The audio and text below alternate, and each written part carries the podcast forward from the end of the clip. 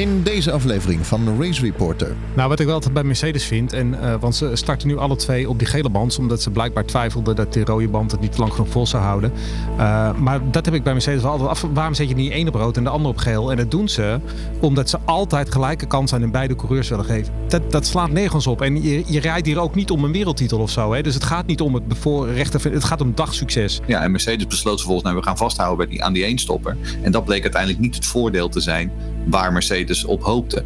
Plus natuurlijk, Red Bull heeft twee coureurs die allebei goed met hun banden op kunnen gaan. Want ja, Sergio Perez die heeft in de beginfase een aantal keer de snelste ronde gereden. Maar uiteindelijk heeft ook hij gewoon zijn mediums tot aan het einde heel gehouden. En dat is natuurlijk wel gewoon de kracht die Red Bull heeft. En daar hebben ze met de kracht die die coureurs hebben, daar hebben ze uitstekend uh, gebruik van gemaakt. Die kwalificatie zorgt er denk ik ook voor dat mensen van tevoren echt dachten: oh, dit wordt echt een toprace. Helemaal die spanning erin. Ik kreeg ook van meerdere mensen van: oh, ik heb er echt zin in morgen. En dit was echt super leuk. En dan valt die wedstrijd ook wel een beetje tegen, omdat die verwachting zo hoog was.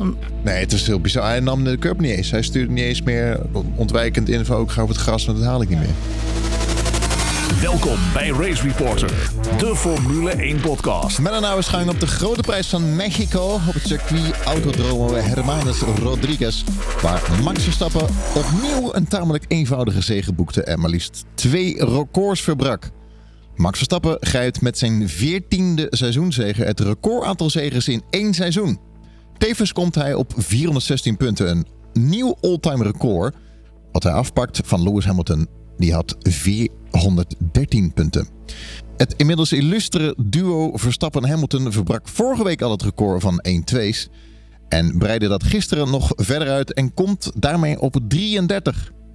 Het was de zesde keer in de geschiedenis dat twee opeenvolgende races op hetzelfde circuit hetzelfde podium kregen.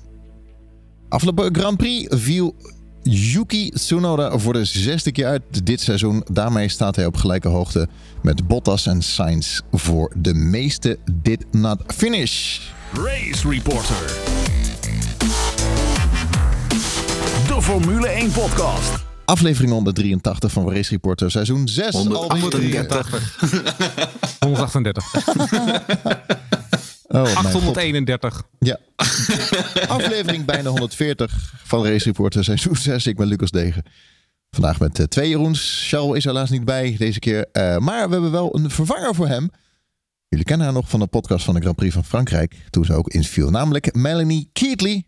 Software engineer, uh, programmeur. En kijkt voor één. Welke software, welke taal spreek jij? Ruby. Ruby. Yes. Wow. Ruby on Rails. Ruby on Rails. Doe je dan uh, uploaden via FTP of committen via GitLab? Ja, wel vooral committen. Ja? FTP is een beetje uh, zo weer oud.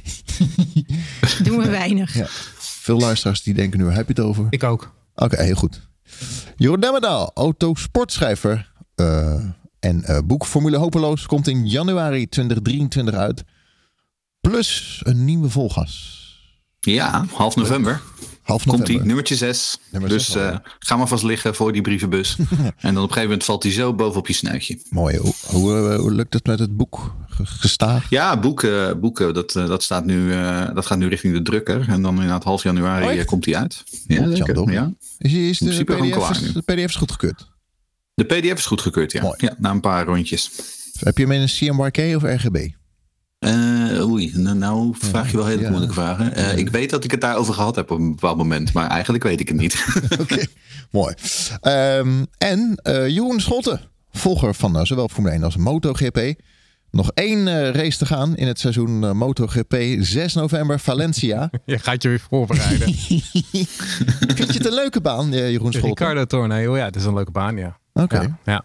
Het wordt heel spannend, toch? Dus Is niet het geen- Valencia zoals jij dat kent uh, van het industriegebiedje in de Formule 1 ooit. Nee, Nou, de, hallo, was een havon was dat hoor. Geen dat bestaat ook niet meer, hè, die baan. nee ook Nee. niet. Nee, nee. Er is niks meer van over. Maar wat ik me afvraag is, de, waarom is de Formule 1 dan eh, in die haven gaan racen en niet op het eh, Valencia GP MotoGP Ja, dat weet ik niet, want dat is nou een van de circuits waar de Formule 1 best wel zou kunnen rijden, ja. Ja. Nou, Omdat Bernie Ecclestone meer centen kreeg van de gemeente Valencia om in die haven te gaan rijden. Oké. Er zaten allemaal commerciële, commerciële deals achter eh, die een beetje schimmig waren. Daarom viel die eh, Grand Prix ook na een paar jaar weer van de kalender af. oh, het gaat om geld.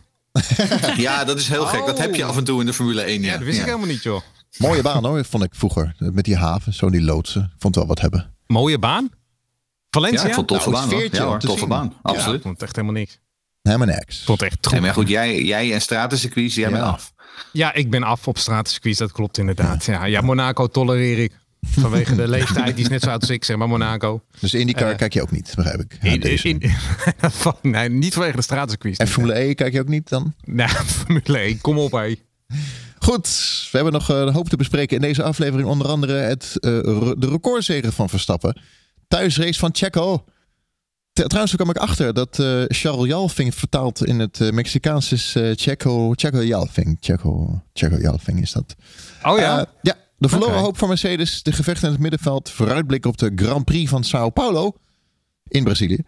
En de, luisteraars vragen via Twitter. Dank daarvoor. We zijn tegenwoordig eh, gegroeid. Een nieuwe mijlpaal op ons Twitterkanaal. 3000 volgers. Dank iedereen. En eh, volg je ons nog niet? Ga naar f1podcast.nl of eh, volg ons op Race Reporter NL. Het weekend in Mexico City. Ehm, ja, ik, eh, hoeveel, hoeveel sterren eh, geven jullie deze? Jeroen Scholt, hoeveel sterren geef je? Die Van de vier. Eén. Eén? Ja, dat was niet veel aan, toch? Wauw. Dat ik een heel weinig. saaie wedstrijd, toch? Ja, anderhalf zou misschien beter zijn, maar dat sta jij niet toe. Jij Jeroen, doet alleen hele sterren. Jeroen, neem maar over sterren. Nou, ik neig inderdaad ook naar anderhalf. En dan omdat het Mexico is en omdat ik de baan heel tof vind. En omdat het inderdaad een goede sfeer was, wil ik er twee van maken. Maar dat is wel met heel veel hangen en wurgen. Want het Ja. was inderdaad. Dit was geen klassieker. Laten we het daarop Jammer, houden. jammer. Melanie? Ja, ik denk wel 2,5, 3. Oh. Ik, het is geen klassieker, nee, maar het was toch wel, het was gewoon leuk. Was, ja. Er was wel, wel een hoop eh, toch wel te bespreken. Maar ik denk ook wel altijd aan twee, twee sterren. Matte race. Maar de sfeer zit er altijd wel goed in. eh, in Mexico. Eh, wie wie was eh, Martin Garrix? Want ik, ik, het was laat Ja. op de avond. Dus ik heb Die niet, was er ook en die Martin trad ook nog Garrix. even op ja, in de afloop, geloof ik. Ja, Leuk. ja. nou ja, ja. Hey, Ja. de, de, Heet die, maar heet die, heet die Martin Garrix? Ik dacht dat het gewoon Martin Garrix was. Martin Garrix. Martin Garrits of zo. Garrits Ja, of zo. Ja, Garretsen, ja. Maar ik zit niet zo in de DJ-achtige wereld. Niet? Zeg maar. Nee. Oh, ik dacht dat jij ieder weekend... Oké. Ik wist ook niet dat hij iets ging. Ik dacht, oh kijk, daar zit een vriend van Max Verstappen zitten in het publiek. Leuk. En toen, oh, hij doet ook dingen. Oh, prima. Nee, hij, is, hij is, dat draait volgens mij ieder jaar, toch? We hebben één keer Ja, volgens van mij, Buren gehad. eh, ook. Me- Mexico doet Ja, ik wil zeggen, ze hebben, ze hebben inderdaad iedere jaar volgens mij een andere DJ daar in dat stadion gedeeld na afloop, toch? Ja, Chester ook een keer, of niet? En Dat weet ik niet. Die was wel op Zandvoort toen wij er waren. Oh ja, Eh, maar, maar, van- maar Armin is daar inderdaad een keer geweest, ja. Dat weet ik inderdaad. Het moet ook wel Eh, mega, mega leuk zijn om daar eh, in dat eh, stadion Ja. een keertje te gaan zitten, denk ik. Leuk volgend jaar een van de misschien leukste- Mental, Mental Tio misschien volgend jaar. Mental Tio en een iets Ja, strak zeker. Red Bull shirtje, zeg maar. Ja, dat lijkt me een heel goed idee inderdaad. Ja. DJ Paul Elstak. Ja, dat is lachen, ja, met zijn snorretje. hey, eh, Cost Cap Gate aan het einde. Eh, daar, komt een einde aan, in ieder geval, daar moeten we het ook over hebben. Nou ja, dat er een einde aan Nou, komt vind dat? ik gewoon heel positief. En voor de rest eh, vond ik het een hele zwarte episode uit de geschiedenis van de Formule 1. Dat we ons druk moeten Ja. gaan maken om boekhoudkundige dingetjes. En Ja, ehm, het, was vooral, het was vooral een storm in een glas water, zo bleek uiteindelijk. Het ging gewoon helemaal nergens over. nee. Nou ja. Nou ja, goed. Dat Kijk, ze jij, moeten maar- in principe natuurlijk eronder blijven. ik, ja. dus, dus een strafje, dat was op zijn plek. En dat hebben ze gehad. En, en daarmee vind ik het allemaal wel, wel, wel prima en klaar. Maar het, het was wel weer typisch, heb ik het idee. Want het, ze maken dan regels en dan zoveel geld mag je uitgeven. Je mag er echt niet overheen. Oeps, iemand is er overheen gegaan. Wat gaan we nu doen? Nou, daar gaan we eerst heel lang over zitten vergaderen. Kan je dat niet eerder beslissen als je die regels maakt? Maar dat Ja. is toch goed. Nou ja, maar, maar Ja, dat is dus het probleem. Kijk, ze hebben inderdaad die regels in, ingevoerd. En vervolgens dachten ze van ja, maar hoe gaan we dit nou eh, eh, handhaven? Ja, en uiteindelijk blijkt dat ook zelfs de accountants van de Fiat helemaal niet snappen. Wat, wat hun eigen regel dan eigenlijk voorschrijft. En dan komt het er ook nog eens op neer dat van die dus 1,8 miljoen is het zo dat 1,5 miljoen dat heeft dan te maken met een, met een een of andere belastingregel in, eh, in het Verenigd Koninkrijk.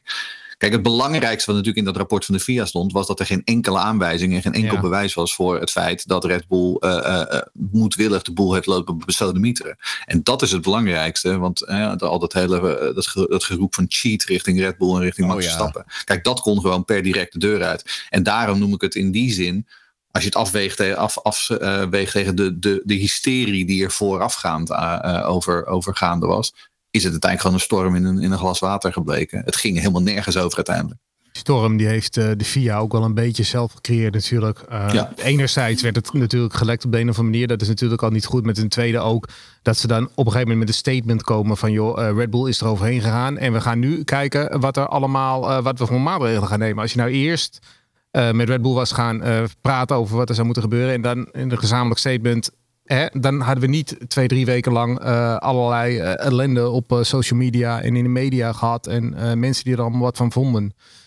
Ik vind dat dat ook wel beter kan, ja. Maar die, dat 1,8 miljoen is ook volgens mij precies het bedrag wat ze naar Silverstone aan schade Ja, hadden. maar dat vind ik geen argument. Want, Oh, want crashes nee. zitten, gewoon, eh, die zitten gewoon in die budgetcap geregeld. Dat zie ik steeds op internet langskomen. Van ja, eh, dit is, dat komt door dit. En dan Nee, laat ze eens. zo'n fotootje zien. Maar- ja, maar ja, maar dat zit er gewoon bij in. Dat heb, ieder Maar- team er nee, last van. Klopt, maar feitelijk kreeg Lewis toen een straf. Eh, kort over hebben dan. Dus dan zou je, net als als je in het verkeer iemand aanrijdt en je rijdt schade, moet je dat er ook betalen. Dus hadden ze eigenlijk rekeningen naar Mercedes Ja, maar dat is al jaren niet zo. Dat is nooit maar- zo geweest. en nu ook niet. Dus ik vind, dat een, ik vind dat geen argument. Daar moet je gewoon een potje voor houden. Ja, nou, ik vind, Ik vind dat niet. Ik vind dat dat geen reden mag zijn. Ja, ik zit erboven, want Lewis Hamilton.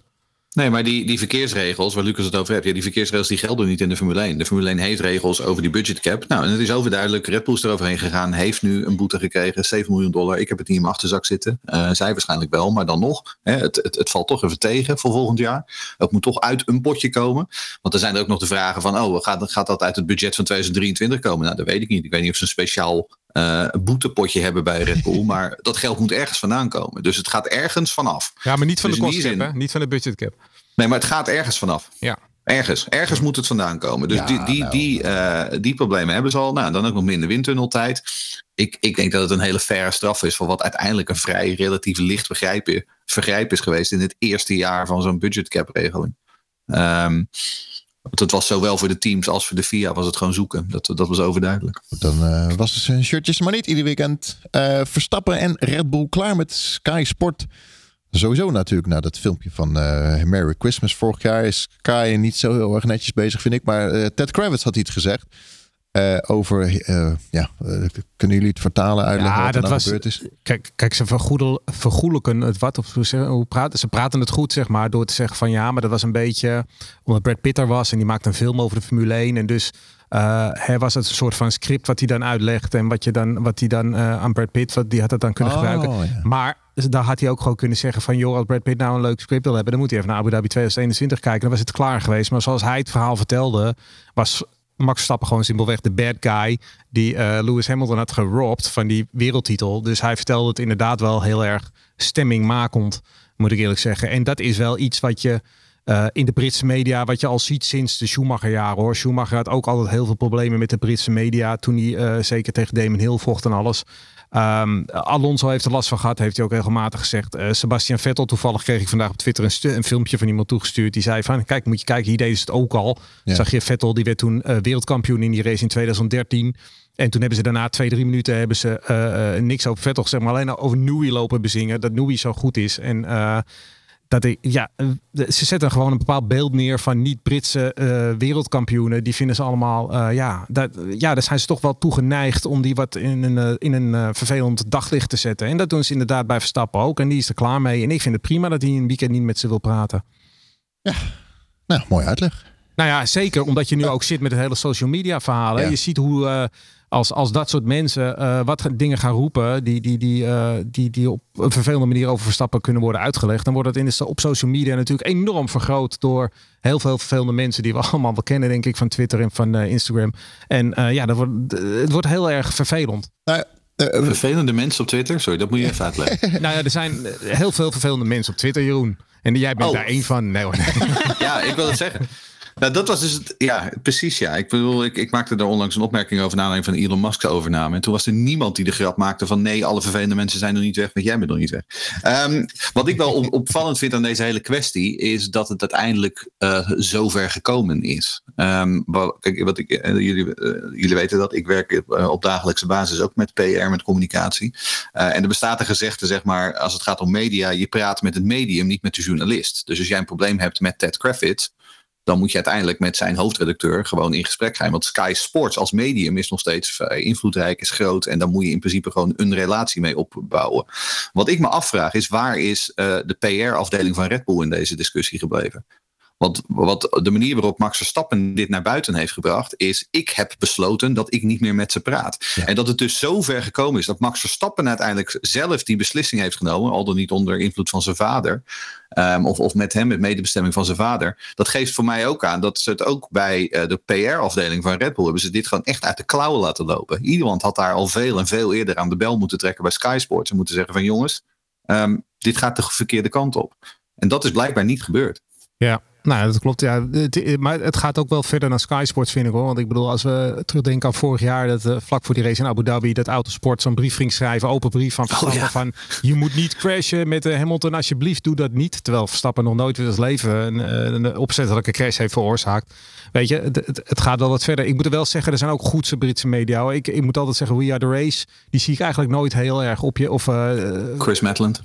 Ja, dat zijn ook van die jongens. Racer, sowieso. Of is dat, is dat Engels? Weet ik Race is Amerikaans, maar Chris Madland is Brit. ja, ehm, dus die vind ik altijd wel vrij objectief schrijven. Dus uh, er zijn ook zeker wel goede.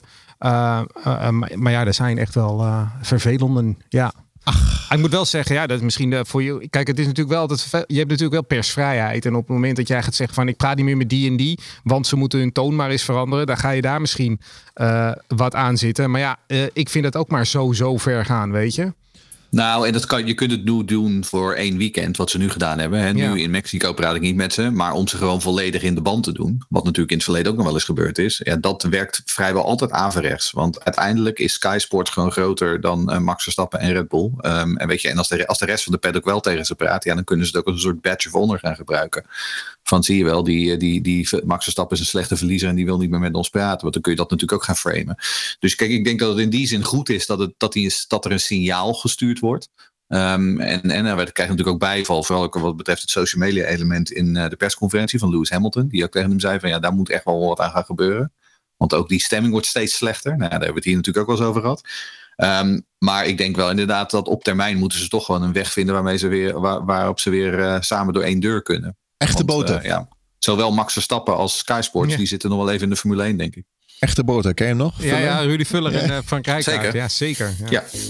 Race Reporter, de Formule 1 podcast. Het weekend van Max Verstappen en Red Bull record na record. Uh, we komen er zo op, maar Cheryl had de voorspelling goed als enige. Die uh, had gezegd dat Max ging winnen. Iedereen dacht uh, dat Checo ging, ging winnen en dat Max hem voorbij liet. En la la la la la. Nou, Perez zat er niet goed bij. Pol en zegen voor Max Verstappen. Hij was weer foutloos naar Aloha. Had een mooie spin hè. Op een gegeven moment. In, volgens mij was het zaterdag geloof ik.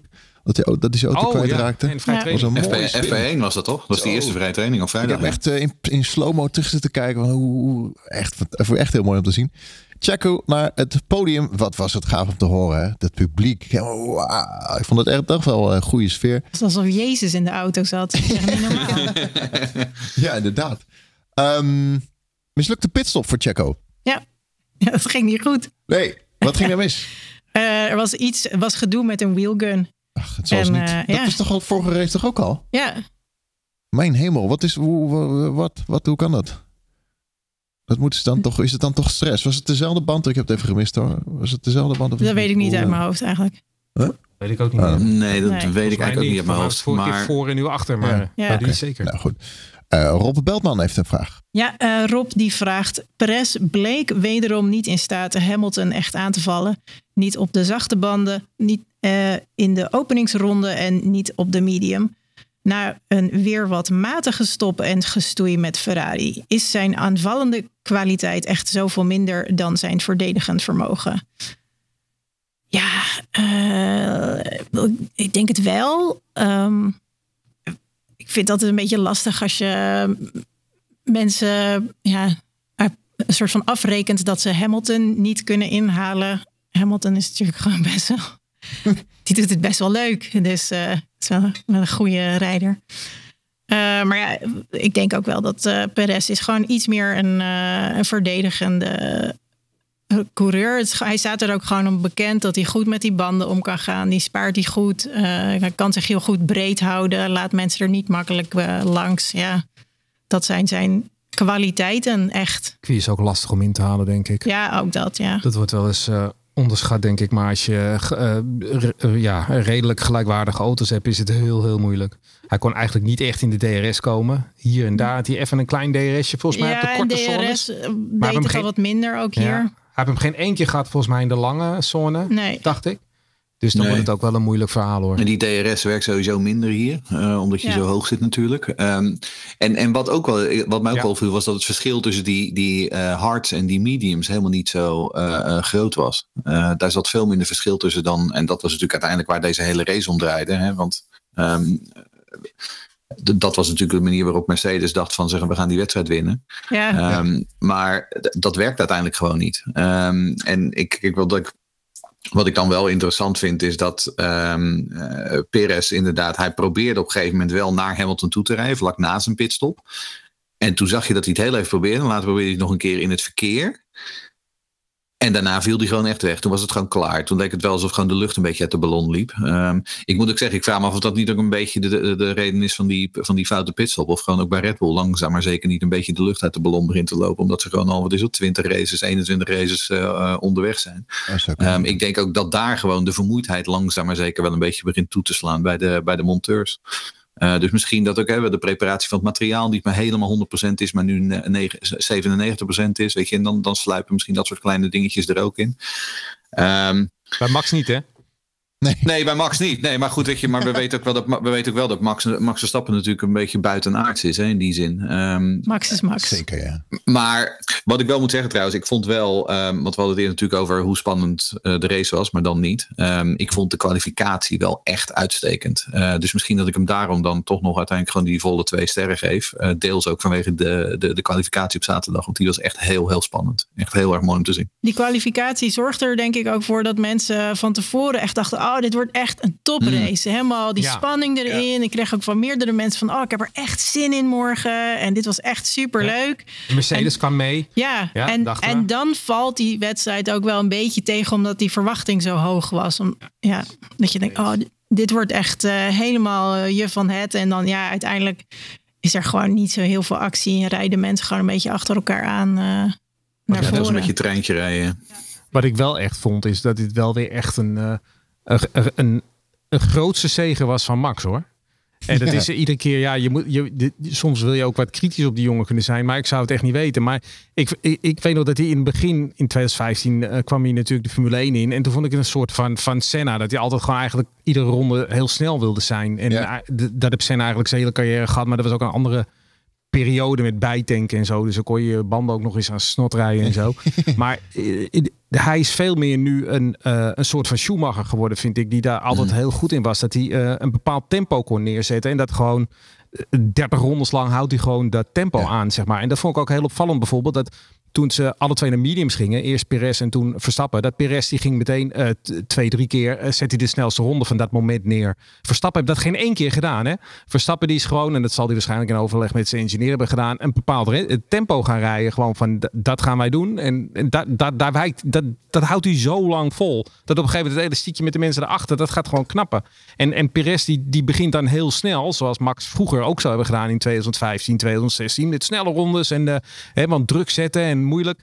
En, maar uiteindelijk, eh, dit is gewoon zoals Schumacher het ook altijd deed. Ja. Die kon een beestachtig tempo neerzetten. Echt een tempobeul was dat. Ja. En, en, en dat zie ik nu bij hem heel erg. Nou, en kijk, ik bedoel, want waar ze wel wakker waren natuurlijk bij Red Bull was eh, eh, op, de, op, de, op de pitmuur. Hè. Eh, dus, mevrouw Hanna Schmid zal er ongetwijfeld weer een grote vinger in gehad hebben. Maar de strategie werd gewoon halverwege omgegooid bij Red Bull. En dat is natuurlijk wat ze wel uitstekend kunnen. Ze kunnen schakelen. Ze merkten gewoon dat die softs eigenlijk veel minder hard sleten dan verwacht. En toen zagen ze inderdaad, oh, maar McLaren of Mercedes staat op, op mediums. Dus die gaan vrijwel zeker gaan die, eh, voor een eenstopper. Die gaan straks naar hard. En ze hebben gewoon geschakeld. Wat ik een vraag van Erwin, die zegt, was de vroegere pitstop van Perez bewust om Mercedes te forceren om ook te stoppen? Want daardoor reden ze korter op de mediums en gooiden ze het voordeel van start op die band weg. Ze moesten of naar hard of naar twee stops. Nou ja, dat dus. Ze, ze schakelden dus in hun eigen strategie, waardoor McLaren, de, of weer McLaren, Mercedes dus eh, gedwongen was inderdaad om te kiezen. Ja, en Mercedes besloot vervolgens, nou we gaan vasthouden die, aan die eenstopper. En dat bleek uiteindelijk niet het voordeel te zijn waar Mercedes op hoopte. Plus natuurlijk, Red Bull heeft twee coureurs die allebei goed met hun banden op kunnen gaan. Want ja, Sergio Perez die heeft in de beginfase een aantal keer de snelste ronde gereden. Maar uiteindelijk heeft ook hij gewoon zijn mediums tot aan het einde eh, eh, heel gehouden. Ehm, en dat is natuurlijk wel gewoon de kracht die Red Bull heeft. En daar hebben ze met de kracht die die coureurs hebben, daar hebben ze uitstekend uh, gebruik van gemaakt. Dus in die zin was het ook gewoon weer een tactische meesterzet van Red Bull. Um, om uiteindelijk die alternatieve strategie van Mercedes uh, uh, te annuleren. Sowieso, hè, want begin op die softs, dat gaf ook Max een klein voordeeltje bij de start. Hè, want het, was natuurlijk ja. wel, een, het is wel een kilometertje rechtdoor. En, en uh, je hebt net iets meer grip, net iets meer bite. Ja, maar toen wisten ze natuurlijk nog niet dat Mercedes met gele banden ging rijden. Uh, maar ja, ja, Mercedes doet wel de conservatieve strategie en heeft dan geen kans meer om, om daarvan af te wijken, inderdaad. En, en is dat nou, dat vraag ik me dan af, is dat nou omdat ze uh, vroeger gewoon heel lang het topteam waren, altijd ja. vooraan hebben gereden en gewoon ook die ruimte Denk konden ik. nemen om gewoon die strategie, nou we gaan dit doen en daar houden we aan vast. Ja. We hoeven niet flexibel te zijn, want dat, Dat is niet ik. nodig. Ja, En dat ze Nee, dan maar nu- je ziet dat, ik denk dat je wel. ziet dat ja. verschil ook. Je ziet dat verschil tussen Hamilton en Russell. Russell is vaker iemand die nog wel eens wil, eh, weet je, die halverwege zei van ik denk dat we Ja. langer door moeten blijven rijden. Ja, precies. Hij is natuurlijk, want omdat hij van Williams vandaan komt, hij is gewend om tijdens de race te schakelen naarmate de omstandigheden veranderen. Ja. En Red Bull is natuurlijk jarenlang de challenger geweest. Terwijl Mercedes ja, eigenlijk gewoon met twee vingers in de neus vooraan reed. Dus de Red Bull moest constant, zeg maar, hè, eh, zoals dat in het Engels zeggen, thinking on their feet. Die moesten constant zichzelf aanpassen naar de omstandigheden. En Red Bull is daar gewoon daardoor ook beter in. Ferrari, Ferrari die heeft altijd heel veel plannen. Hè. Ze hadden weer een plan C en zo. Ze moeten naar plan B. En, ja, Plan F. ja, plan F. En die hebben altijd plannen. Maar ik, ik, vraag me altijd af.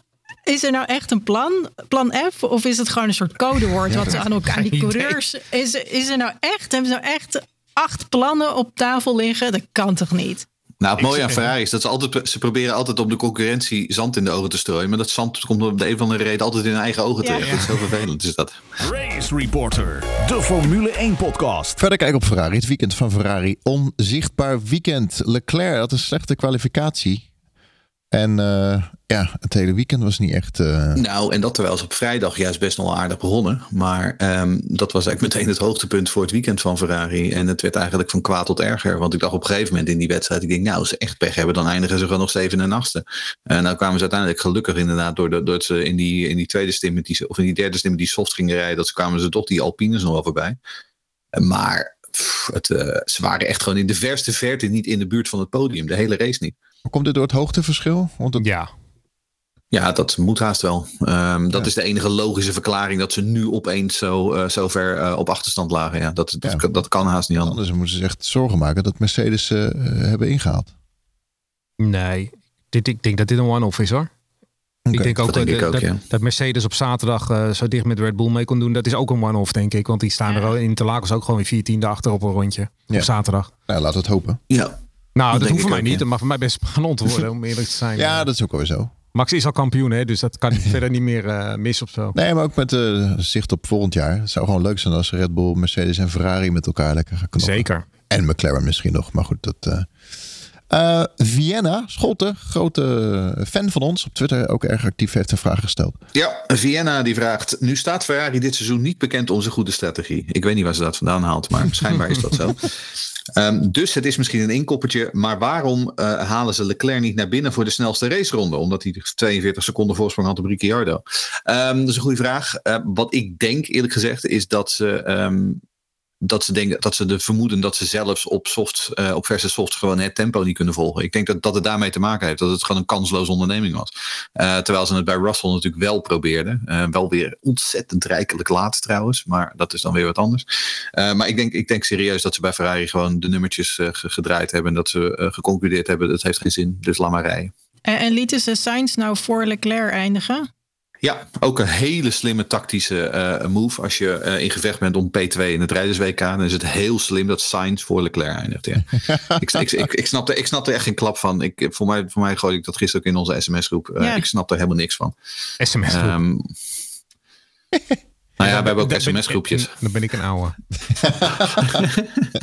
Maar we zijn dus redelijk snel uitgepraat over Ferrari.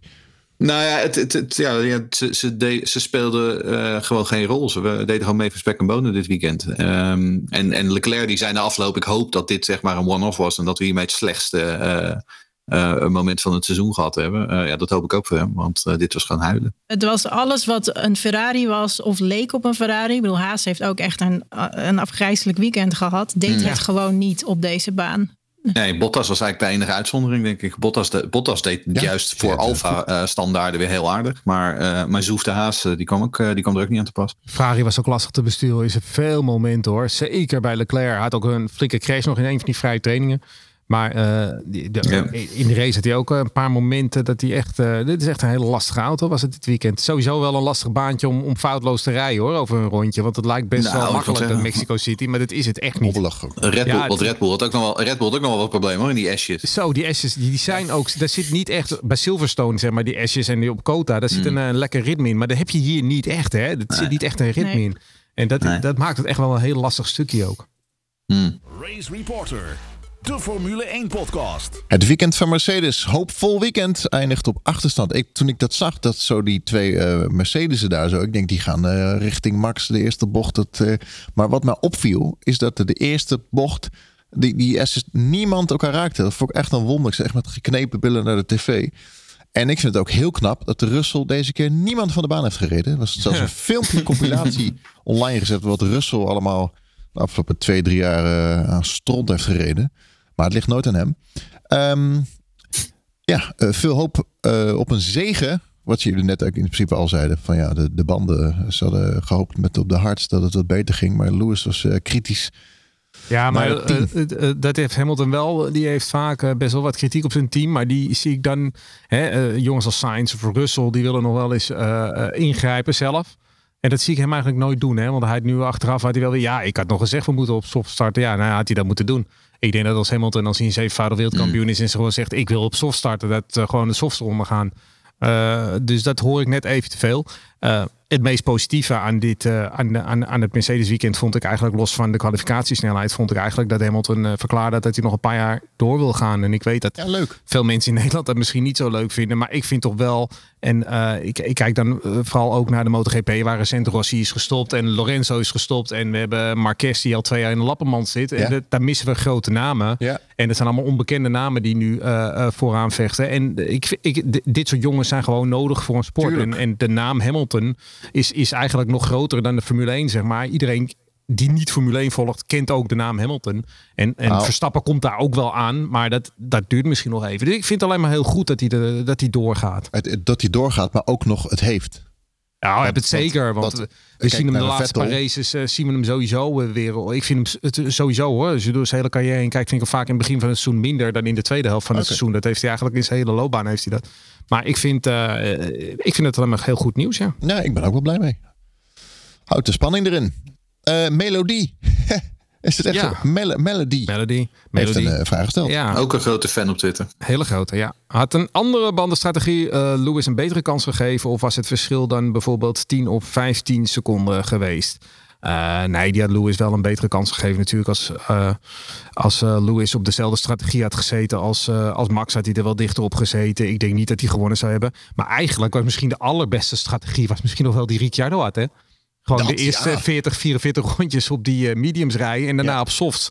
En die, die reed als gek naar Ja. voren. En die, eh, de, En die inhaalactie was ook heel, heel goed. ja, nou, we gaan het Ja. er zo meteen nog Ja, over 4500 medium, Tsunoda van de baan rossen en dan verder op softs. Ja, precies. Ja. Geweldige we strategie. We gaan het zo nog over McLaren hebben. Maar ik, ik, ik vond dat, dat was misschien nog wel de allerbeste strategie. Eh, en, en, maar wat Mercedes gewoon heeft, en dat zegt Melanie net ook al. Ik denk dat dat ook komt door al die jaren van dominantie. Ze hebben gewoon een hele. Ze zijn heel erg conservatief in hun strategische denkwijze.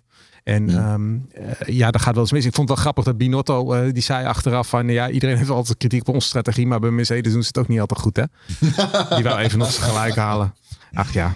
Dat klinkt een beetje als dik advocaat. Ik kan wel wisselen. Weet Ja. je, dat, dat, Ja, dat, dat, kijk, idee. Maar we hebben natuurlijk Ferrari al besproken, maar laten we wel eens. De laatste tijd, de laatste paar races gaat het niet meer zo slecht als het begin van het jaar. Toch? Ze maken niet meer zoveel fouten. Maar dat even. Nee, maar ik denk dat dat er ook mee te maken heeft met het feit dat Ferrari inmiddels weet dat ze allebei de wereldtitels kwijt zijn. En dan Dat staat er minder druk op de, op, de, op de toko. En dat is natuurlijk altijd het probleem. Ja, op het ja. moment dat er een beetje druk op de tent staat bij Ferrari, ja, dan, dan gaan ze gekke dingen doen. Daniel, die heeft een vraag. Ja, we hebben een vraag van Daniel. Eh, we maken vaak grappen over Ferrari, maar ook bij Mercedes gaat de strategie voor de zoveelste keer mis dit seizoen. Valt alleen minder op. Moeten ze daar niet wat aan doen? Nou, ik weet niet of het. Het is ook een beetje de vraag of het bij Mercedes echt fout ging. Of dat ze gewoon een verkeerde keuze hebben gemaakt. Ik denk dat daar, ik, bij Ferrari gaat het wel heel vaak fout. En dan is het een beetje uh, een soort van, ja, echt een beetje zo'n clowncar lijkt het dan. En dan uh, uh, wordt ook gevraagd van, ja, we zitten te denken om dit te doen. En hoe denken de coureurs erover? En dan lijkt het net of er geen, geen leiding is en niemand weet meer wat ze aan het doen zijn. Het wordt een soort uh, strategie by committee. En iedereen moet er maar een plasje over doen. En dan uiteindelijk is het niks. En bij, bij Mercedes is dat niet zo, heb ik het idee in ieder geval. Ze hebben gewoon een keuze gemaakt en ze blijven die ook volgen. Uh, ook al ja, lijkt op een gegeven moment die strategie niet heel goed meer te werken. Uh, of hadden ze misschien iets flexibeler moeten zijn.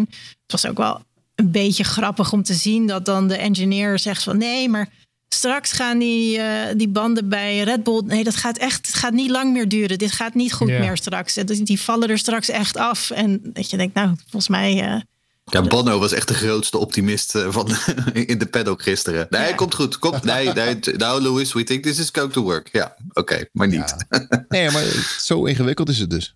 Ja, maar dat is het. Kijk, en wat Melanie zegt, ze zijn in ieder geval consistent uh, verkeerd. Als ze dan een verkeerde keuze hebben gemaakt, dan houden ze daar in ieder geval aan vast. Maar bij Ferrari, weet je, dan slaat gewoon de totale chaos toe. En dan, dan is het gewoon niet meer te volgen. Nou, wat ik wel altijd bij Mercedes vind, en, uh, want ze starten nu alle twee op die gele band, omdat ze blijkbaar twijfelden dat die rode band het niet lang genoeg vol zou houden.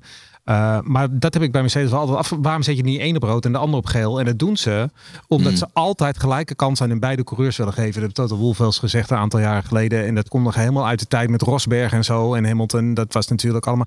Maar dat, dat moet je inmiddels al lang. Dat moet je gewoon loslaten. Ja. Op, dat dat ja, slaat nergens op. En je, je rijdt hier ook niet om een wereldtitel of zo. Hè? Dus het gaat niet om het bevoorrechte. Het gaat om dagsucces. Ja. Dat is alles. Het ging alleen om dagsucces.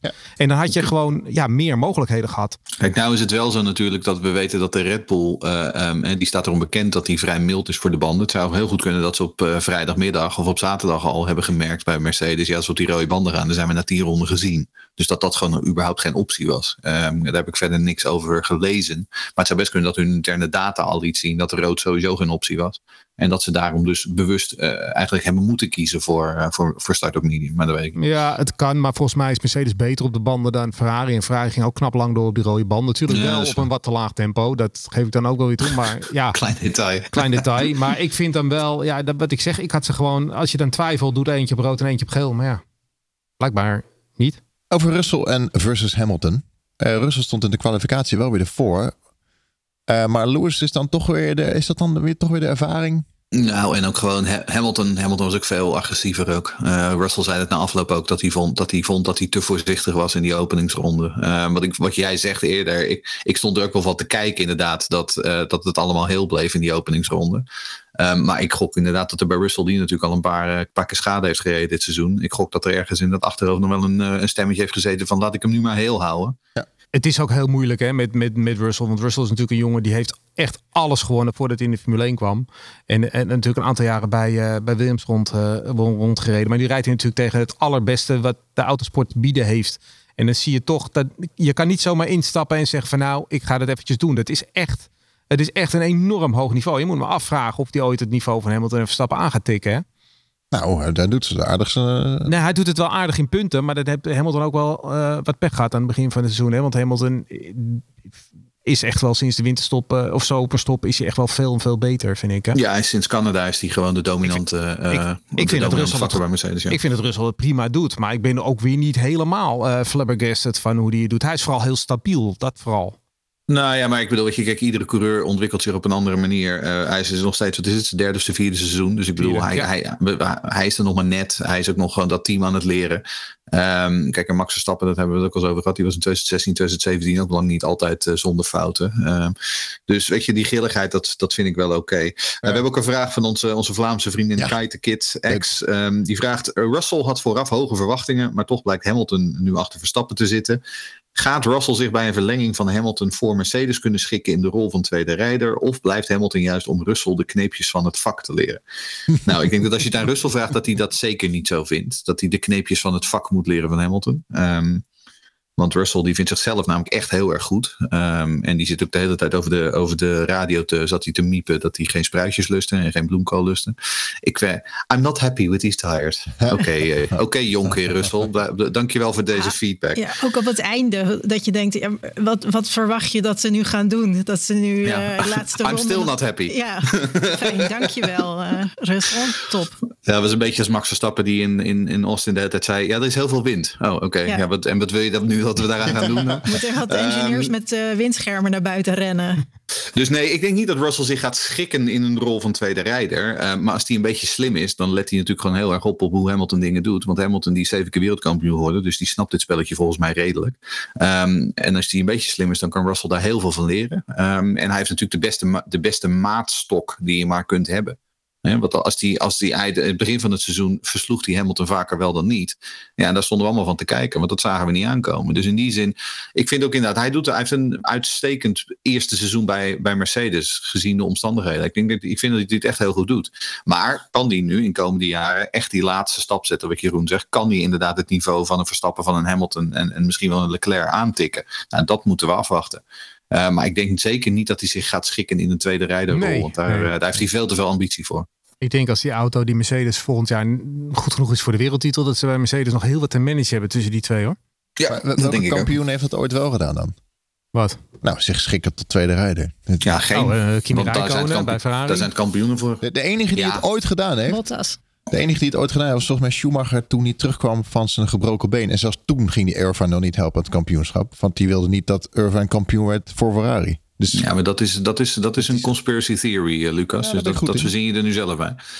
Um, nee, maar ik bedoel vooral een ja, wordende kampioen. Wat je, nee, maar goed, hier, jij zegt Rijkonen. Kijk, Rijkonen die deed dat natuurlijk later toen hij in de herfst van zijn carrière zat. Maar uh, de Rijkonen van bij McLaren, die ging natuurlijk over lijken. Nou, um, en, nou, nou, nou, nou, die van Ferrari, nou, die nou, heeft nou, ook nog een tijdje massa geholpen hè, in 2008. Ja. ja, 2008, omdat hij in 2007 wereldkampioen geworden was. Ja, dus ja maar ik bedoel, toen, toen deed hij het dus, ook al. Maar we hebben het nu over iemand, een, een, een komende wereldkampioen, een blijvende Nee, wereldkampioen. ja. Weet je, die, ja, die gaan zich niet schikken, want die zijn veel te veel bezig met die, eh, eh, met die eerste wereldtitel die ze zo graag binnen willen halen. En daarna, dan zien we wel weer. Race Reporter. De Formule 1 podcast. Gevechten in het middenveld, die waren er genoeg. Alonso, die met zijn dus een soort van Alonso-train is er, was er ontstaan. Eh, strafpunten en applaus voor Ricardo. Eh, uiteindelijk een sterk weekend voor Ricardo. Ja, ik, ja sterk, maar die, die actie, dat is toch ongelooflijk slecht. Ja, dat was niet, uh, was niet mooi. Verdiende geen prijs. Ongelooflijk Ondanks slecht. dat hij wel een prijs heeft gekregen, want hij was uh, driver of Nou, the maar day. dat is het. Kun je driver of the day worden als je een andere coureur Ja. de, de wedstrijd uitrijdt? Ja. Kan dat? Ja, ja, ja. Ik Hij heb heeft ons daar, vermaakt. Ja, je kan ook kampioen worden als je in 94 als iemand van de baan rijdt. Ja, Ja, dat Nee, kan zeker ook. waar. Ik heb daar wat moeite mee. Ja. Ik vond het een beetje een rare uitverkiezing, maar dat is. Ik, was echt eh, heel erg verbaasd toen dat in beeld kwam. dacht ik echt, huh? Maar oké, nou ja, prima. Zo, het, is, het is natuurlijk de, de, de, de, de- hoe heet dat? De, het het eh, publiek kiest. Dus Ja, de, vo- ja, Use, de vote. mensen vinden Ja, het eh, blijkbaar toch heel mooi. En het, ja. het is ook wel een beetje... hij heeft het hele seizoen niets van zich laten zien. Echt, echt helemaal waardeloos was het. En, en nu ineens, eh, nou, hij was lekker bezig. Nou, misschien als je, als je echt... Als je, kijk, je- het ligt eraan hoe je het Driver of the Day contest ziet. Als jij ziet van Ja. je moet stemmen op de allerbeste rijder. Ja, dat was hij niet. Maar als je moet zeggen, degene die ons nog een beetje eh, ver- eh, entertained heeft deze wedstrijd. Ja, dat was wel Ricciardo. ja, het lijkt dan een goede vraag. Melanie, wie, had je een anders driver, driver of the day gemaakt? Alonso misschien. Eh, Dat zit er dan een beetje tussenin, denk ik. Want die was ook lekker bezig. Ja. En die heeft gewoon weer pech. Ja. Dat is gewoon wel sneu. Nou, die Alpine, eh, als we het nou hebben over de lessen voor volgend jaar. Bij Alpine mogen ze wel echt een beetje aan die eh, betrouwbaarheid gaan werken. Hè? Want dat ding dat gaat vaker wel een stuk dan niet eh, de laatste races. Ik denk dat Alonso blij is dat hij daar weggaat. Hij zei geloof ik dat hij 60 punten verloren heeft eh, de, al dit seizoen. En ik denk dat hij daar, was dat dat best nog wel klopt ook. Hij was weer lekker sarcastisch op de boordradio. What a season. Heerlijk. Oh, daar hou ik van die man. Ik vind het geweldig. Is ook sneu dat het zeg maar klaar was. En dan stond hij een beetje zo tegen die auto aan. Of over dat hekje heen. Zo, eh. Maar dit is ook weer, we hebben het vaker over gehad. Die, die passie, die, daar heeft hij nog steeds. Engine. En dat hij dan zo over de reling hangt. Ja, Hij baalde er echt Ja, wat, van. Wat, wat Vettel niet echt meer heeft, dat heeft hij nog wel. ja. Ja, zwaar Ja. in het publiek. Maar het, het, het gekste van Ricciardo vond ik eigenlijk de, uitloop, of de uitleg na afloop. Want hij zei, ik was eigenlijk niet van plan om Yuki daarin te halen. Maar dan denk ik, ja, maar je kruipt aan zijn je je neus daar dan in? Ja, je, je duwt je neus daar aan de Twee keer, binnenkant. hè? en je, ja, Ja. Ja. dat- dat- Wat, wat had je dan gedacht dat er ging gebeuren? Dan snap ik helemaal niet wat je aan het doen was daar. Nee, het is heel bizar. Hij nam de curb niet eens. Hij stuurde niet eens meer ontwijkend info. Ik ga over het gras, want dat haal ik Nee, niet. het was echt gewoon een heel slechte actie. Echt een ja, beuk. goed, eh, ja. Maar wat ik niet snap is dan van Yuki. ik- Ja, dat, ik weet het antwoord ook wel. Ja, de sidepot is kapot. Maar waarom is die sidepot dan zo gevoelig? Waarom maken ze dat niet wat sterker dan? Hang er een bumper neer, weet ik veel. Hang er een Maar nee, bumper er neer. komt een, een Ja. duw en, en je, je bent uit de race. Waarom Ja, is dat maar volgens mij het ook- Mag toch allemaal niks Voor mij- wegen? Nee. Nee, en volgens mij was het ook de achter, achterwielophangingen. Ja, Ehm, daar ging erover De ophanging, van, dat is Ja, natuurlijk dat het is hele waar. zwakke, het, het, het zwakke punt van veel Formule 1 wagens. Die, die achterwielophanging en voorwiel ook trouwens. Die is eh, bijna erop ontworpen om af te breken. Hè? Omdat, om zeg maar bij, bij, bij zware crashes en dergelijke. Ehm, dus ik denk eerlijk gezegd dat die achterwielophanging ook gewoon niet meer helemaal eh, 100% was. Wat ik al zei in het begin. Yuki heeft nu evenveel uitvalbeurten als eh Sainz en Bottas. Die staan met z'n drieën helemaal onderaan. Batman 74 Gaming en MJ Van Zanten. Die eh, hebben een vraag gesteld. Wat vinden jullie van de 10 seconden penalty van Ricciardo, terwijl in de vorige race 5 seconden werd gegeven voor iets vergelijkbaars? Of zat het verschil in uitvallen van Tsunoda? Eh, nou, zoals ik heb begrepen, kijken ze niet naar wat, er, eh, wat de zijn, uitkomsten, ja. ja. de gevolgen van een, eh, van een incident. Dus er wordt alleen naar het incident zelf gekeken. Ehm, dat lijkt me ook heel, heel nuttig om dat zo te doen. Ehm, ja, en het, het vorige, de vorige race, die vijf seconden, dat gaat natuurlijk over Russell. En dat incident zat echt in het begin van de race. Dus dan zitten mensen dicht op elkaar en dan eh, ja, het is gewoon drukker. En ja, er gebeuren wel sneller dingetjes. Dus ik denk dat er dan ook door de wedstrijdleiding gewoon wat makkelijker wordt gezegd. Nou ja, oké, dat is niet helemaal netjes, maar vijf seconden. Eh, eh, die actie van, van Ricciardo gisteren was natuurlijk gewoon echt heel raar. Het gebeurde ook op een moment in de wedstrijd. En ik weet nog dat ik dacht, hé, wat, wat ben je nou aan Hij het er niet doen? eens En naast. wat, wat is dit nou weer? En ik denk dat heel veel mensen dat gevoel hadden. En daardoor voelde ook alsof die 10 seconden eh, beter paste. Uiteindelijk heeft het niets uitgemaakt. Het had hem 5 seconden kunnen geven, 10 seconden. Hij had nooit eh, eh, Ferrari kunnen inhalen. Dus ja, prima. Volgens mij was dit een goede beslissing zo. Lewis doet het slimmer. Die tikt gewoon iemand op zijn achterwiel. Dan, oh, sorry. En dan krijgt hij vijf seconden straf. Die doet altijd eh, die manier. Nee, maar het is wel zo. Ze zijn in de openingsronden altijd coulanter als het gaat om dit soort dingen. En dan krijg je net lagere straf. En dit was natuurlijk in het midden van de wedstrijd. Ehm, terwijl er inderdaad verder gewoon niks aan de hand was. Ik vond het gewoon een bezopen Ehm, actie. Dus 10 seconden vind ik wat te... Nou ja, dat was het Ja. ook. We Maar ik- je zag op een gegeven moment Ocon probeerde ook nog zoiets, zeg maar. Toen hij, was dat dat die Bottas achter zich of was dat ook Ricciardo? Ik durf het even niet Is er niet iets met Gasly? Oh ja, Ja, dat was ook, Gasly, daar ja. En, die, en, die, en, en hij hield zich zo ongelooflijk breed, Ocon, zeg maar, in, dat, in datzelfde stukje van die baan. Gewoon, hij, ging gewoon in het midden van de baan rijden. Hij was zijn inner Alonso aan het channelen. channelen. Die dacht precies, ik, ja. dat kan ik ook, dat kan ik ook. Ja, lachen. Karin! Karin, van, eh, van, van, de, van de breiwerkjes. Of nee, hoe zeg je dat? Iedere overwinning van Max zet ze Max eh, het Nou, voor mij borduur, borduurwerkjes zijn het volgens Ja, mij. Dat woord zocht ik. Ja. Die heeft een vraag gesteld. Eh, McLaren heeft een pitstop eh, gehouden van 1,98. Er moeten in deze, eh, volgens de nieuwe regels, die minimaal 2 seconden duren. Nou, dat heb ik even nagekeken. Dat is niet het geval. Iedereen zegt dat altijd maar. Oh, Eh, maar dat is niet zo. Er zijn bepaalde handelingen die moeten gebeuren. En er staan bepaalde eh, minimale tijden voor, zeg maar. En er moet sowieso tussen het laatste wielgun die eh, de, eh, het wiel verlaat en de- het groene licht, daar moet 0,2 zitten. Eh, dus er staan wat minimale tijden voor onderlinge handelingen. Maar er staat geen totale tijd van 2 seconden dat je daar niet onder mag komen. Ik vind het een waanzinnig knappe prestatie van McLaren. zeker. Maar, maar wacht, even, wacht even, zeg jij nu dat er mensen op Twitter zijn die dingen zeggen die niet waar zijn? Nou ja, dat, dat, ik kijk daar dus ook heel, heel erg van op. Dus ik heb het echt nagekeken op internet. Ik heb er echt 7, 6, 7 8 uur lang zitten googelen. Maar het blijkt dus echt geen enkele limiet van 2 seconden te zitten aan Vind ik jammer, want ik heb deze vraag vorige week gesteld. En toen heb je niet zeven uur lang op het internet lopen zoeken. En nu wel. Eh, Maar goed, ja, eh, ja, maar dit was Karin. En Karin die maakt... Ah, Dit eh, is Karin. heel Karin, is, is eh, baas boven baas. Ja, en Karin heb ik ooit in Hockheim, daar had ik ooit mee afgesproken dat ik in Hockheim een biertje met haar zou laten drinken. Eh, en dat heb ik, dat, dat- door de extreme hitte ben ik toen eerder afgetaaid. Oh. Dus, dus daar heb ik nog een goed makertje voor. Dus ik denk, nou voor Karin ga ik dat Ja, wel helemaal uitzoeken Gaan, tot op gaan de we bodem. regelen, Karin. Want wij hebben nog met een biertje gedronken in eh, Zandvoort vorig jaar. Heel aardig Ja, zeker. leuke, hele leuke vrouw. En eh, supporter. Eh, Een mooi bruggetje, Lucas. Naar eh word lid. Doneer. Petje af.com slash F1 podcast. Help ons de herfst door. Eerste punten voor Bottas sinds Canada. Leuk. Waar haalt hij het dan ineens weer vandaan? Want wat Melanie net al zei, die Ferrari motor ging voor geen meter behalve bij Bottas. Nee, en toch dacht ik dacht ook al, ik denk dat jij stond in de kwalificatie, zevende, was dat het? Of Ja, achtste? zesde en toen dacht Voor, ik, eh, voor zesde, zesde, zesde, ja. En toen dacht ik, ik denk nou, ik weet niet of hij dit aan het einde van de rit eh, vol gaat houden. Ehm, en toen dacht ik, ik gezegd, nou, hij zal wel negende of tiende worden. Nou, ja, tiende, ach, nou, ja, vooruit. Eh, het is een puntje, maar die Alfa, hè, zo goed als die Alfa in het begin van het seizoen was, toen hij gewoon Ja. een paar keer vierde, vijfde, zesde reed. Ja, dat is wel echt, dat zijn ze wel echt kwijt hoor. Ze liet op een gegeven moment tijdens een van de vrije trainingen ook zo'n staartje zien, zeg maar, van eh, hoe, hoeveel eh, teams zich ontwikkeld hebben sinds Bahrein.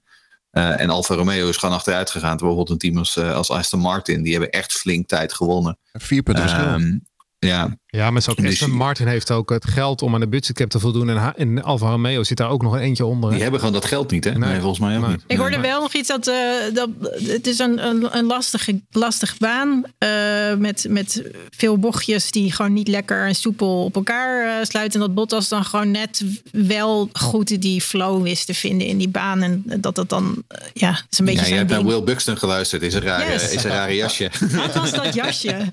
Ik weet niet hoeveel Wat was dat jasje, Will Het is wel Ja. eh, low grip, hè? Hij doet vaak goed op low grip banen. Zoals Sochi ook altijd. Was hij ook altijd goed. Australië. Hmm. Ja, hij was altijd goed op Sochi inderdaad, ja. Kleurloze baan, kleurloze coureur. Ja, dus dat, dat, dat past wel heel mooi. Daar krijg je weer commentaar op. Wat heb je als commentaar? Ja, ja, ja, ja. Bottas te veel. eh, Oh ja, dat is waar, ja. Ja, want ik mag, hem geen, ik mag hem geen kamerplant noemen of een Oh, pak nee. yoghurt. En ik mag, Sorry. Ik mag er geen badmuts noemen. Nee. Echt sneu als je er op één baan heel goed bent en dat het dan, eh, die baan dan geschrapt wordt. Ja, ja, dat ze daarna net oorlog gaan voeren. Oh, eh, jeetje, Mina. Het is wel heel inconvenient voor Valtteri Bottas. Gasly in de fout. En op twee punten van... eh Eén punt. zat hij één Twee punt. punten, toch? Nee, twee. Hij zit op punt. tien nu. Hij zat op 11, zei ze gisteren. Oh. Oh, ik dacht op tien. nergens. Nou, dan heb, of, of ze hadden het gisteren overal en nergens fout. Maar ze zei gisteren, hij zat op 11. En, dus, en als je de 12 hebt, dan krijg je een, st- een oké. straf. Dus hij, heeft nog, hij is nog één punt verwijderd. Zo Ja, ik ik, nou, ik begreep dat hij op 10 stond en je krijgt bijna altijd twee punten voor een ding. Dus, dus dan kom je ook op 12 uit. Maar, Oké, nee, maar Ja, dan, was het gisteren, bij- dan, was het gisteren, dan was het gisteren bij F, eh, F1 TV. Kijk, Will Buxton die geen gelijk heeft. Dat, dat komt vaker voor hoor. Dus het zou heel goed kunnen. In ieder geval bijna een schorsing aan zijn broek. Wanneer is, la- dat is een moeilijke strikvraag, maar wanneer is voor het laatst iemand geschorst? Dat is- Grosjean, hè, toen. Oh ja, tuurlijk. Maar dat was niet Ja, op maar dat was, basis ook van die meteen voor punten. drie, dat was ook meteen voor drie wedstrijden ook, geloof ik hoor. Dat Ja, die, dat was eh, niet op die basis van die puntjes. Nee, dat was Spa. Nee. Was dat die crash op Spa of niet? Ja, dat was die enorme crash op Spa toen. Maar wat vonden we van, eh, van de, de actie van Gasly op Stroll? Elke actie op Stroll is natuurlijk sowieso heel goed. Ja, maar Ehm, deze was niet heel goed, hè? Melanie, wat zei, wat, zei, wat zei Lens over de radio allemaal? Nou, ik, ik ben, hier gemist. alleen maar voor de, ik ben hier alleen maar voor Melanie die Lens Stroll over de Oh, ik- radio ik, hoorde in de achter. Ik zat heel even niet, niet op te letten naar mijn telefoon te kijken. Want eh, ik was toch heel veel de aandacht weg. En toen hoorde ik alleen maar meh in de achtergrond. En dacht ik, oh, want je, jij zei er iets over. Toen zei ik, oh, ik heb het gemist. En toen even later werd diezelfde boordradio nog een keer herhaald. Toen dacht ik, oh, dat is voor mij, dank jullie wel. Eh, en het was weer gewoon van het niveau. Meh, dus ik, ik, ik weet het niet. Maar Lens was weer ergens verdrietig over. Maar in, di- in dit geval was Gasly wel erg laat, hè? Dat was geen actie, hè, dit. Nee, het was geen niet. actie. Nee, tuurlijk En niet. met Imo, als je op Imola bent, dan sta je met z'n tweeën nu de naaste. Ik, ik zat te kijken, ik denk, geef die positie nou terug. Waarom zei het team dan ook niet? Je weet dat je Ja, die- ja dat wat vond ik ook. stomme actie zegt. ja, ja. Ja, Ja, ja, nee, dat is is een beetje, Gasly en Alfa is een beetje klaar, hè? Ook. Het is het hele Onbegrijpelijk. seizoen voor Gasly gaat uit als Nou, en wel, wel trouwens, als we nou weer, hè, eh, dit, is- dit is de rode draad, leermomentjes voor 23 met Jeroen. Eh, die remmen op die Alfa Tauri, daar is echt wat fout mee. Ehm, want Gasly die loopt er al, al races lang over te miepen. Eh, Tsunoda die loopt er al over te klagen. En op vrijdag in FP1, toen Liam Lawson eh, eh, in die auto stapte, die zei ook meteen, geloof ik, na drie ronden, I have no brakes. Toen dacht ik van, nou, hij ook al. Er zit, ik, ik weet niet wat er aan de hand is met dat remsysteem van die, van die Alfa Tauri, maar dat is echt niet goed. Daar moeten ze echt wat aan, eh, aan veranderen. Maar ik denk dit momentje met Stroll, dat was een inschattingsfoutje van Gasly hoor. Die ging daar wat te hard en die haalde ook zijn apex niet. Nee. En er rook een bandje en dat was niet een eh, remprobleempje, denk ik. Dat is Oh, ook een zeer gefrustreerde indruk maakt hij de laatste tijd ook op. Ja, hij zit niet lekker in zijn vel, inderdaad. Ja. Nee. Maar het komt dat hij volgend jaar naast zijn vriend moet rijden, hè, natuurlijk. Oh, Cor, dat wordt ook wat. Dat wordt heerlijk, jongens. Ja, ik vind het heerlijk. Ja, Wie die gaat twee. daar tweede rijder zijn? Ja, geen idee. Niemand. En Nee. Want drama weekend voor Haas en Aston Martin. Eh, Vettel die Ja. was in de kwalificatie al verbaasd dat, hij zo, eh, dat ze zo laag stonden. Ja, inderdaad. En Haas was ook gewoon huilen. Op een gegeven moment reed Haas geloof ik 18 en 19 met z'n tweeën of zo. Ik geloof dat ze alleen voor Latifi zaten. Ja. En die Latifi, hè? Gewoon op een ronde gezet door Albon. Echt jongens, wat een prestatie weer. Eh, allebei op dezelfde strategie volgens mij. Maar eh, op de een of andere manier wist Albon gewoon een ronde eh, eh, aan zijn broek te hangen. Albon zat op een gegeven moment ook op, op eh, plek 14. Die was nog wel... eh, Hij is 12 geworden, toch? Ja. 12 of 13e? Ja. Nee, die zat op een gegeven moment op 11 zelf, geloof ik. Hmm. Nou, dat ging nog wel.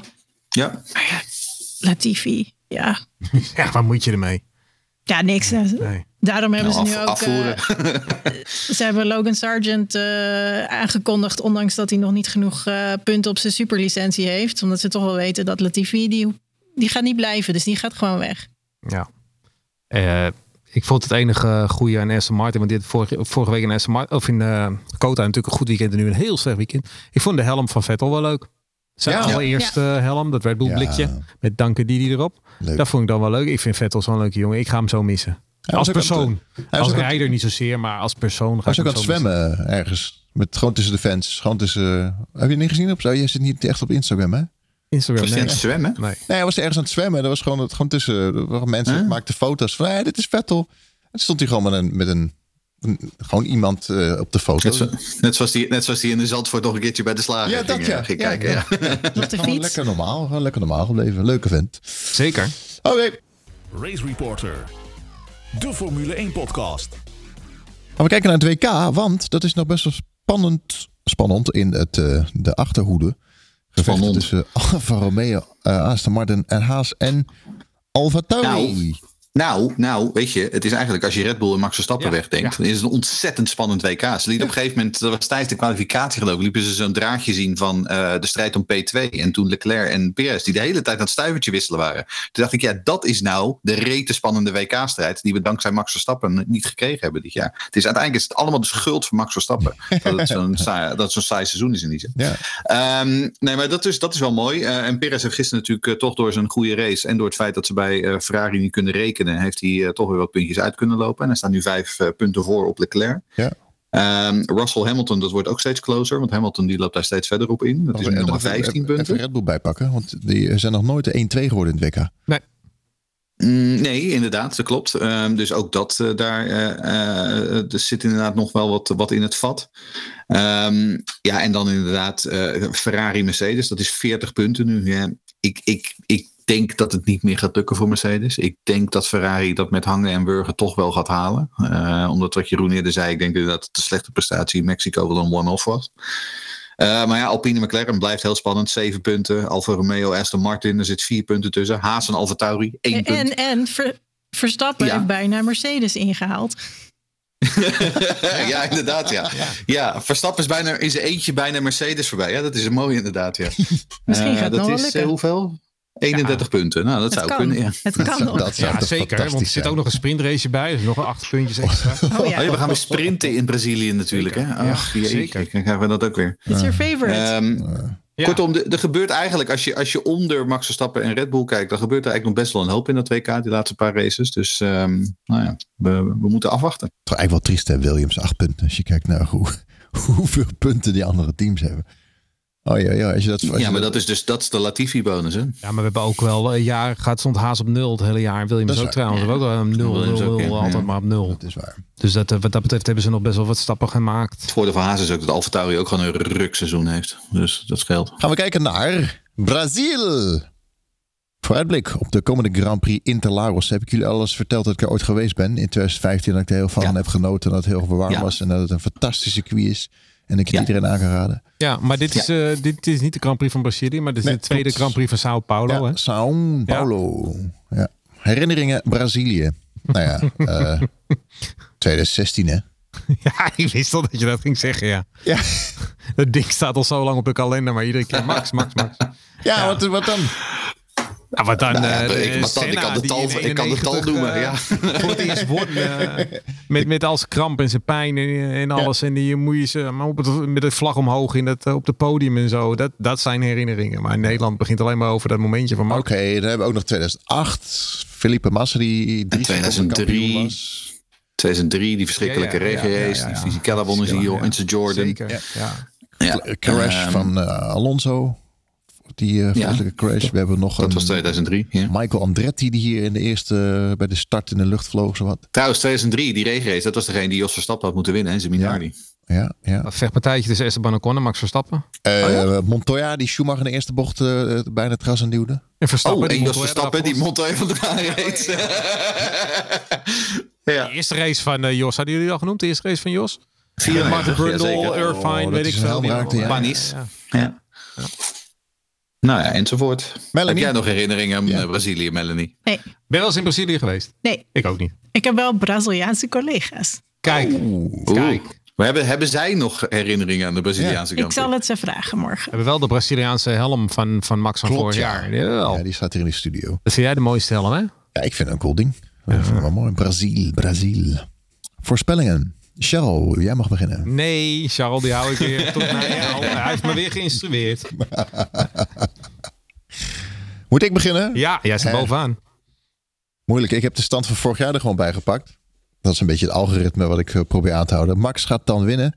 Vorig jaar won Valtteri Bottas hier. Ik denk niet dat Bottas... twe- eh, nee, voor tweede werd Bottas vorig jaar. Ik denk niet dat, dat hij... Ja, voor mij won Hamilton niet, ik toch? Niet? denk... Ja, eh, Hamilton won oh, ja, je hebt helemaal gelijk.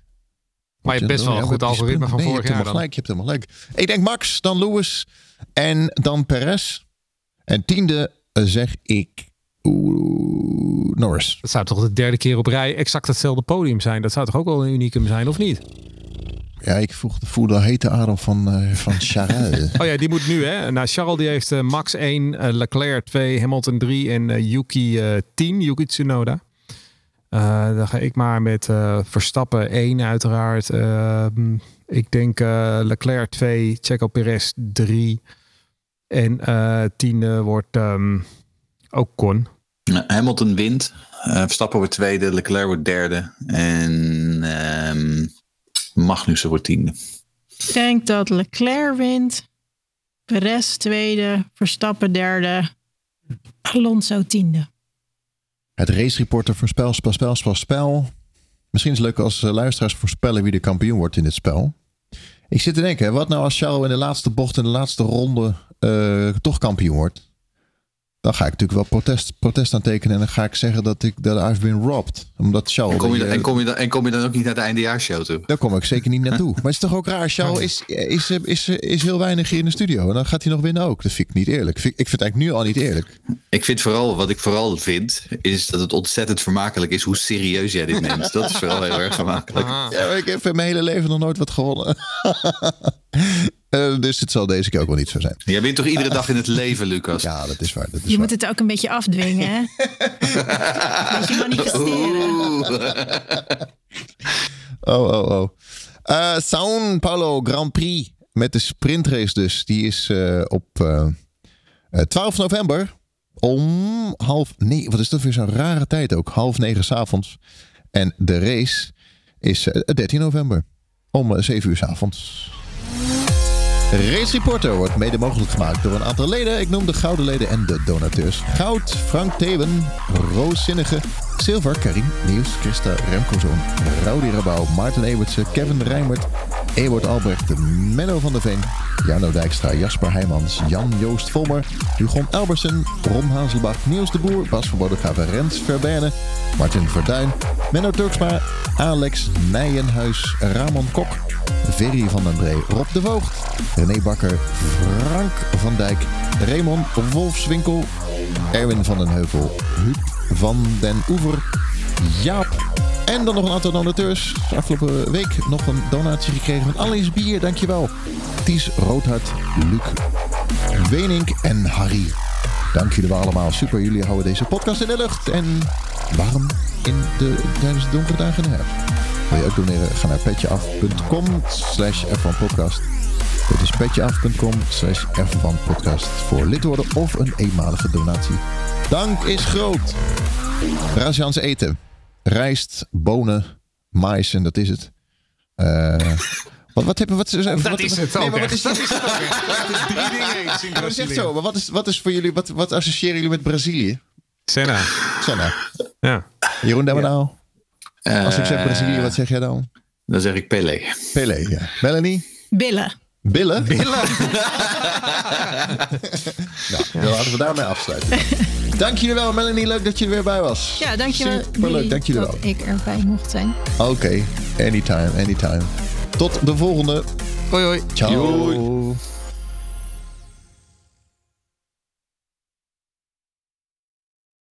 Wat is eh, tja- ciao het ex-Mexicaans? Weet iemand dat? Ik ben heel slecht in die taal. Oh, een groepsfoto. Adios. Adios, amigos. Even kijken hoor. Super gaaf. Ja hoor. U. Frotje minder. Ja. Ja. Nou, Lucas, je hebt anderhalf uur op te monteren. Dat heb je beloofd, geloof ik, op Oh, het Twitter. zo?